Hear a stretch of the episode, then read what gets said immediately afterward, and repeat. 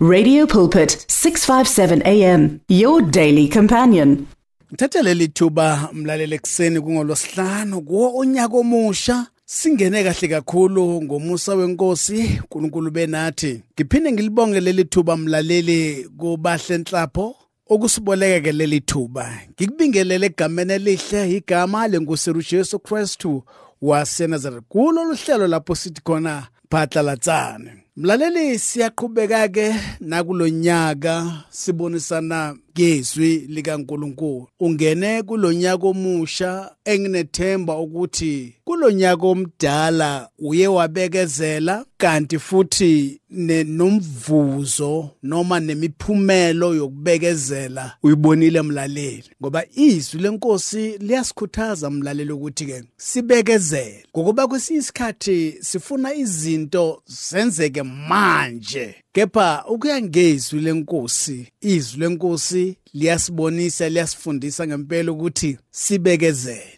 Sisangenile ke onyakeni omusha. Kwangathi uNkulunkulu angaselekelela mlaleli siqhubeke ngakho ukubekezela. Abanengi sebabuyele emuva mlaleli ngenxa yokungabekezeli. Ekubuyeleni kwabo emuva baphinde futhi bazisola mlaleli ngokubuyela kwabo emuva ngokuba izwi lenkosi lithi thina asisibona lolo hlobo lwabantu oluhlehlela nyovana kanti futhi noNkulunkulu akathokozi ngabantu abahlehlela nyovana ngakho ke nakulonyaka ka2024 qhubeka mlaleli la ugcine khona udle izithelo zokubekezela. Kukhona abadla izithelo zokungabekezeli kepha ke wena kulonyaka ka2024 ake udle izithelo zokubekezela uzidlile unyaka ondlule 2023 ithelo zokubekezela nakulonyaka ka2024 qhubeka mlaleli udle izithelo zokubekezela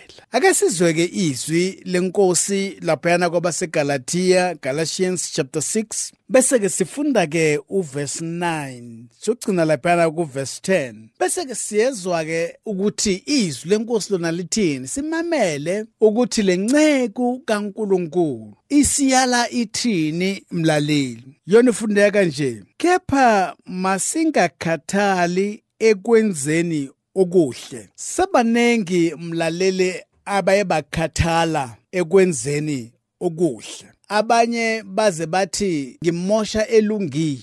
Uma umenzela okuhle bachaza ukuthi usuke ummosha. Kepha ukuya ngezwi likaNkuluNkulu lithi ke masingakhathali ekwenzeni okuhle. Abanye bethu senza okuhle kulabo abenza okuhle kithina. Abaye bethu senza okuhle si-expect ukuthi baphinde benze okuhle kithina futhi. Kepha izwi lenkosi liyasifundisa namhlanje ukuthi masingakhathali ekwenzeni okuhle. Ekwenzeni kwakho okuhle mlaleli kuba khona izinto ezithize odibana nazo. Abaye bazokutshela ukuthi uzenza ongcono abanye bazokukhuluma lokhu nalokhu ngawe uze ukhathale ekwenzeni into enhle ukweye ubona kwesisikhathi uthi uyambingelela umuntu phela ukubingelela into enhle. Avela abheke akubheke nje enze ngathi akakuzwa. Uthi uma usehlehlele nyana lapha e distance nyana umuzwe sethi umuntu mina ngiyamswabisa. Qhubeka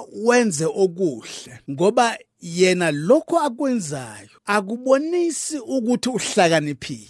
Kepha kuveza ubula bakhe ngoba umuntu makubingelela ukuvuma nje kwaphela futhi ukuvuma awukhokhi even nesent awulahlekelwa naye lutho just ukuthi ke yebo kuphelele lapho. Manje la izwi lenkosi lithi ke masingakhathali ekwenzeni okuhle. Uma seliqhubeka ke bese lithi ke ngokuba siyakuvuna ngesikhathi esifaneleyo. Ngamanye amagama abantu abakhuluma kabi abakwenza kabi uma wenza okuhle bayabona ukuthi ngesikhathi esifaneleyo uyovuna okuhle. Kungakho benza ukuthi ungaqhubeki nokwenza okuhle. Abanye bethu mlaleli size sisukele nabantu abangenzanga lo mlaleli. Kepha ngenxa yomuntu ongafuni ukuthi uvune okuhle ngesikhathi esifaneleyo. Awumlaleli ngivamisa ukuthi siswabisa usathana nanoma ngavumi qhubeka umbingelelo phume kuwe. Ngokuba lokho kuveza ubula bakhe akahlakaniphile.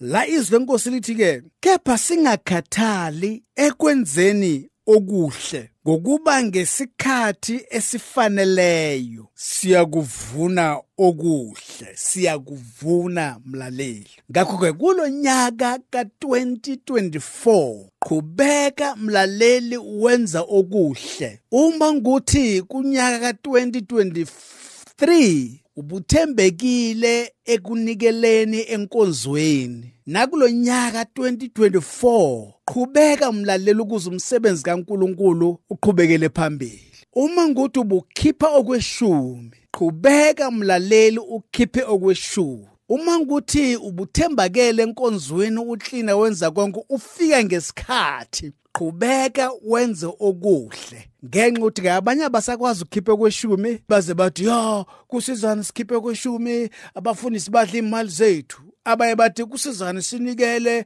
abafundisi badla imali zethu. Ngamamagaba abasafuni ukuqhubeka nokwenza okuhle. Lalela izwi lenkosi ithi ke uyakuvuna ngesikhathi esifaneleyo ungakhathali ukwenza okuhle.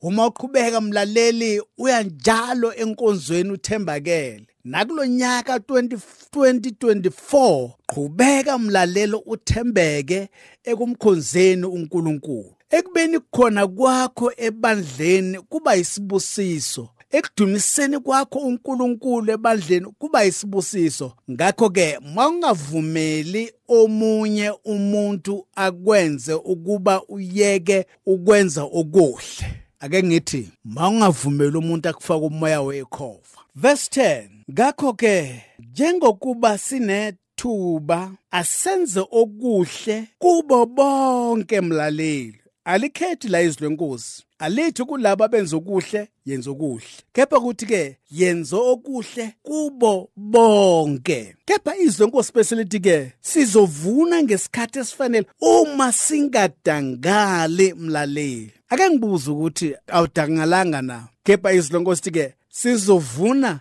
uma singadangali. Bese izwi lenkosi lithi ke ngokuba sisenethuba mlaleli.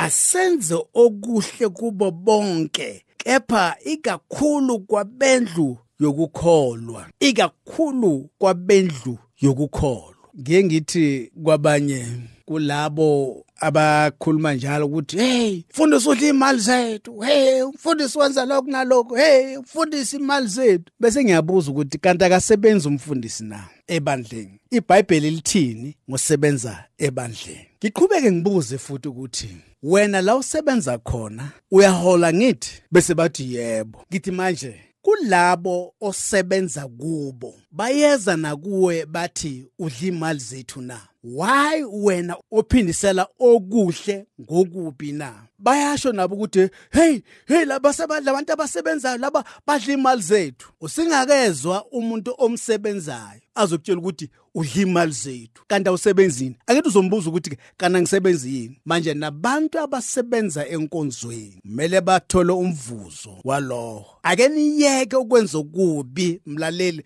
nelokuthi badla imali zethu badla imali zethu. iBhayibheli lithi nakulonyaka 2024 masingayeki ukwenza okuhle. Sizovuna ngesikhathi esifanele uma singadangali kanti futhi sisenaso isikhathi sokwenza okuhle kubo bonke mlaleli.